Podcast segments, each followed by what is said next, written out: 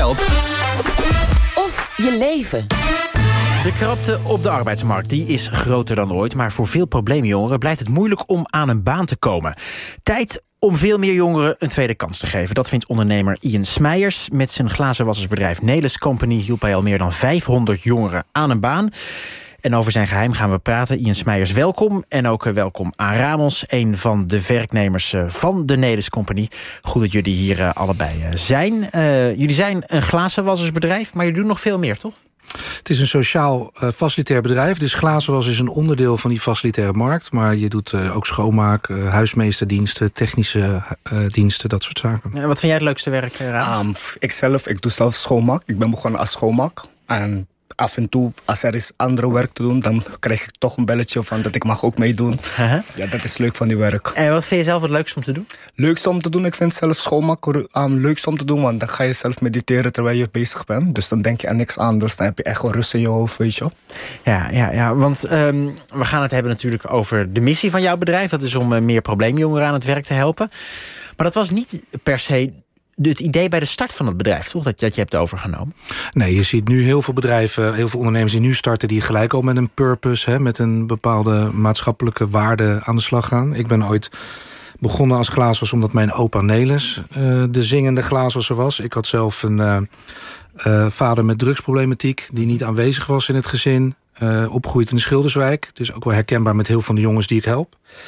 En ehm, ja, als je dan uh, uh, toch iets wil en je wil op vakantie... of nou, vakantie kon niet eens, maar als ik überhaupt iets wilde... dan moest ik werken. En dan ging je met opa mee. Ja, en wat was jouw opa voor een man? Hij is nu door. Uh, hij heette Nelis, dus hij is nu tot een mythe gemaakt, denk ik. Meer dan dat hij was. Het was een straatvechter. Het was een man uit een hele grote familie. Een beruchte Haagse familie. En eh, die ook op de vuist ging als er iets eh, was. En die ook, uh, ook wel echt een, een straatjongen was. Maar ook heel warm en liefdevol. Ik weet nog als kind dat hij ook voor kinderen uit de buurt snoep meenam. En, en, en alles kon. En ook altijd klaar stond voor iedereen. Toch nog even, Ian, je vertelde, ik kwam zelf ook uit een moeilijk gezin. Betekent dat jij ook bang was dat je misschien wel nergens aan de bak zou komen? Nee, was ik niet bang voor. Kijk, ik ben een ondernemer uh, in hart en nieren. En ik, dat, dat is ook heel jong gebleken. Mm -hmm. um, maar ik kon ook wel aan de slag. Er zijn heel veel verleidingen van de straat. Als je opgroeit waar ik opgroeide... kon je in heel veel verschillende business. Alleen de vraag is, hoe legaal zou die business geweest zijn? Ja. En ik ben blij dat ik een voorbeeld had in iemand... die mij liet zien dat je geld kon verdienen. Dat was niet alleen mijn opa, maar ook mijn oom... die ook glazenwasser was. Hè. Ik ben vierde generatie ik zag dat die op een eerlijke manier hun geld verdienden... en toch stoer waren en toch een soort rolmodel waren. En wat ik nu probeer te doen is... jongens, en ik kan Ramos als voorbeeld nemen... maar hij heeft dat al lang overstegen... maar dat heel veel jongens ook andere rolmodellen krijgen... en betere voorbeelden. Want preventief kun je daarin al heel veel doen. Ja, want uh, Ramos, het is dus lastig om als jongere... Uh, zeker als je even een achterstand hebt aan het werk te komen. Uh, hoe heb jij dat gemerkt? Ja, want um, ik woonde zelf vroeg in een instelling... dus ik heb zelf een moeilijke verleden gehad. Mm -hmm. Ik dacht van, weet je wat, ik wil ook graag terugkeren in de maatschappij. En via via toevallig kreeg ik contact met Nelis Company. Ja. Dus hun hebben me geholpen toen. Hun hebben me geholpen. Het was echt van een blessings. Want want wat hebben zij dan voor je gedaan? Gewoon letterlijk alles. Dus bijvoorbeeld als je zit zelf met een probleem, je kan met hun um, alles over hebben. Dus je kan jezelf uiten bij hun. Je voelt je welkom, je voelt je thuis. Plus iedereen behandel je daar met respect en liefde. Mm -hmm. En ja, door dat allemaal kreeg ik ook die zin van, weet je wat, ik wil ook graag mensen gaan helpen in het leven. Ja. Dus toen ging ik aan mijn niveau 2 doen aan zorgwelzijn. Die heb ik behaald. Nu ben ik bezig met pedagogisch sociale beroep niveau 4. Ja. Want ik wil ook graag jongeren helpen, probleemjongeren, om eruit te komen. Mm -hmm. Dus je krijgt toch een beeld van, je kan het wel iets bereiken in het leven. Ja, is Ramos een soort ideaal voorbeeld die jouw bedrijf als een vliegwiel, uh, vliegwiel heeft gebruikt en nu weer vervolgstappen zet? Nou, hij mag mee terugrijden omdat hij natuurlijk zulke lovende woorden zegt over Nelis. maar uh, feit is wel, hij is wel een concurrent aan het worden als hij nu op het pedagogische vlak gaat. Dus daar moet ik nog even met hem over praten. ah, je hebt toch wel een concurrentiebeding opgenomen? Nee, nee. ik, ik, ik gun hem. Ik, hij heeft vast nog genoeg mensen om te helpen. Volgens mij zijn we nog lang niet klaar. Ramos? Ja, en ik kreeg te horen ook dat misschien volgend jaar kan ik ook stage lopen bij hun. Dus ik ben nog steeds bij hun hoor. Ja, wat, wat, wat, wat heb je nou echt geleerd wat, wat, je niet bij een ander bedrijf had kunnen leren um, bij, dat, bij Nederlands dat, um, dat ik, ik niet geleerd, maar het is meer van gevoel. Dus ik voelde me geaccepteerd, weet je. Dus, want ik kom van een achterstandswijk, wat u zei net. Dus je voel je toch geaccepteerd. Dus iedereen behandel je met respect. En plus, je, je, bent allemaal, je zijn allemaal op dezelfde lijn, weet je. Dus niemand is hoger dan die of jij bent lager.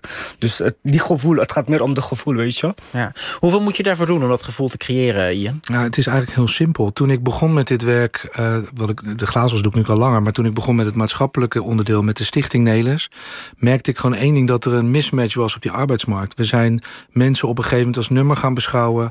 Uh, overheid is op een gegeven moment het zo ingewikkeld gaan maken... dat uh, het, het, het hele proces gewoon niet werkte. En dus toen ik begon, ben ik gewoon dingen om gaan draaien. Gewoon anders gaan doen. Dus, Zoals? Nou ja, als je aan, aan, als je aan uh, Ramos vraagt... Als je aan Ramos gaat kijken en kijken of hij goed genoeg is... ben ik hem aan het beoordelen. Maar als ik aan Ramos vraag, vind jij mij goed genoeg... om mee aan de slag te gaan... dan heeft hij uh, ook zeggenschap, autonomiteit daarvoor. Of kan hij niet voor autonoom handelen. En, ja, maar ondertussen moet jij als baas toch ook gewoon beoordelingsgesprekken voeren met. Ja, uh, wij moeten ook alles wat andere bedrijven moeten. En dat is ook wel, dat, dat wil ik ook wel zeggen. Een sociale onderneming is niet makkelijker, is eerder moeilijker. Omdat je zowel op het impactvlak als op je economisch vlak natuurlijk moet presteren. Dus het is ook niet per se makkelijk. Maar het gaat er met name om dat je mensen ziet. En wat ik belangrijk vind is dat we met een kandidaat eerst vragen... wat heb jij nodig? Mm -hmm. Wat moeten we fixen voor jou om te kunnen werken? Want een baan regelen is helemaal niet moeilijk. Ze moeten die baan kunnen houden. Want wat zijn dan dingen waar, niet per se Ramos... maar ook andere collega's van jou tegenaan lopen... Uh, waarvan je zegt, ja, dit is misschien wel een beetje overkomelijk. Nou ja, aan de onderkant van de arbeidsmarkt is schuldenproblematiek nu heel erg groot. En nogmaals, ik zeg geen dingen die per se Ramos van toepassing zijn. Nee. Hè, want het is voor iedereen anders. Gaat in al, ik bedoel het ook in algemeenheid. Ja, het is wat dat betreft de integrale aanpak. Maar kijk, je ziet dat de schuldenproblematiek is heel groot. Je ziet bij sommige jongens die uit detentie komen... dat ze geen identiteitsbewijs hebben of geen woonplaats hebben... of geen slaapplek hebben. Als jij onder een brug ligt, kan je ook niet je telefoon ergens inpluggen... om op tijd wakker te worden. Dus je ziet dat uh, schulden, uh, justitie, soms drugs soms gezondheidsproblematiek. Maar zo'n identiteitskaart, die heb jij nodig. Ik bedoel, bij ieder bedrijf waar ik zelf voor heb gewerkt... moet je altijd je identiteitsbewijs opgeven. Hoe ga jij daar dan mee om als iemand dat niet heeft? Nou, wij moeten ons ook aan de wet houden. Alleen, uh, ik, ik zoek daar wel de grenzen in op. Omdat ik altijd zeg, ik wil gewoon dat iemand werkt. En uh, hoe ik het ook doe, doe ik het. Maar uh, misschien moet ik dat niet op de radio zeggen hoe we dat dan doen. Hè? Want ze luisteren nee, maar je, misschien mee. Maar jij vindt dan dus wel een creatieve weg? Ja, tuurlijk. Ja. Kijk, ik zeg altijd, uh, ik, ik, doe, ik handel gewoon in het belang van die kandidaat. Want als die happy is en die heeft het naar zijn zin... en die komt graag naar zijn werk... dan ga je de rest vanzelf regelen. Ja. Dus als dat betekent dat je het in een proefplaatsingsperiode moet doen... of in een stage, of dat je andere vormen gaat kiezen... Uh, dan, dan doen we dat. Alleen ja, je, je moet natuurlijk wel de, het recht volgen. Maar betekent dat ook dat, dat de overheid soms een belemmering is? Ja. Ik kan me ook voorstellen dat er, dat er een, een VOG moeilijk kan zijn... zo'n verklaring omtrent gedrag... En dat dat ook allemaal barrières zijn die opgeworpen worden? Ja, ja kijk, de, de, de overheid bemoeilijkt het... maar dat zijn niet de mensen die bij die overheid werken. Je ziet dat de mensen die overal werken heel prettig zijn... en die willen graag en die zien ook wel wat er niet goed gaat. Maar we hebben in Nederland wel een handje ervan... om alles ingewikkeld en moeilijker te maken. Uh -huh. uh, het is niet voor niks dat de slogan uh, vaak van dat soort organisaties ook al lastig is. Maar het... ehm, als we geen VOG krijgen, dan tekenen we bezwaar aan... en dan krijgen we hem alsnog. En ik begrijp natuurlijk ook wel dat je bepaalde... Uh, justitiabelen natuurlijk niet uh, op bepaalde plekken wil hebben. Maar je kan niet zeggen dat iemand die op de uitkijk heeft gestaan... tien jaar geleden, dat hij tien jaar later met een vrouw, een gezin en een kind... en probeert iets op te bouwen, ja. dat die dan uh, belemmerd zou moeten worden. Die moet juist alle kansen krijgen om te kunnen werken. Ja, en uh, daar probeer je je dan voor in te zetten. Maar uiteindelijk ben je ook ondernemer, probeer je winst te maken. Hoe blijf je dan competitief ten opzichte van concurrenten... die al die moeite niet doen en gewoon met nou zeg maar, makkelijker personeel aan de slag gaan? Nou, concurrenten denken vaak dat wij goedkoper zijn. Dat is niet waar. Wij zijn marktconform of zelfs iets duurder. Nee, daarom. Dus dat kost jou geld. Ja, dus hoe blijf je dan toch competitief? Nou, wij hebben de hoogste certificering, het PSO 30+. Plus. En je ziet dat steeds meer bedrijven ook purpose willen voor uh, hun eigen MVO-beleid. Ze willen graag medewerken. Maatschappelijk verantwoord ondernemen. Maatschappelijk van ondernemen. Je ziet dat nieuwe professionals ook graag willen werken bij een organisatie die uh, uh, impact maakt. Dus je ja. ziet dat organisaties daar wel bewuster van worden. En dat ze vanuit marketing en communicatie ook interessant is om met Nelis samen te werken. Want dat kan je ook uitdragen. Dus dat is één kant van de beweging. Ja. Aan de andere kant zie je dat...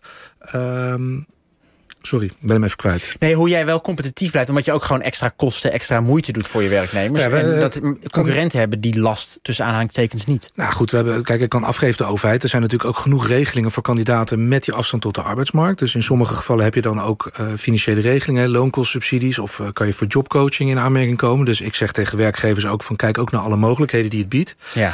Maar ja, je kan ook iets minder winst maken. Is dat heel erg? Ik heb op een gegeven moment niet meer nodig dan ik nodig heb. En ik wil wel groeien en meer verdienen verdienen. Maar ik, het, is, het is niet mijn primaire doel. Ik vind het leuk om te ondernemen en te creëren. Ja. En er is een arbeidsmarktkrapte. Dus ik zeg, en dan is het ook nog een keer heel leuk om te doen. Want als Ja. ik met Ramos bezig ben, vind ik het ook heel leuk om met hem aan de slag te gaan. En geld is dus niet het eh, belangrijkste. Ramos, waar droom jij van? Wat, wat hoop je dat uiteindelijk je baan gaat worden? Ehm, ik wil graag jongeren begeleiden. Dus Ja. probleemjongeren, want iedereen verdient een tweede kans, vind ik. En als je nergens die kans kan vinden, kan je ook je leven ook niet verbeteren. Dus het is belangrijk dat we elkaar toch kansen kunnen geven en het beste van el- elkaar kan halen. En ja, dat is het eigenlijk. Ja, en dus uiteindelijk gewoon weer bij Ian aan de slag misschien. Ja. Ik ga hem inhuren. Ik krijg een goede sollicitatie dit. Tuurlijk. Dank eh, dat jullie wilden vertellen over eh, dat goede werk van een Nelis Company. Ian Smeijers, ondernemer dus, en zijn medewerker eh, Ramos. En tot zover geld of je leven voor vandaag.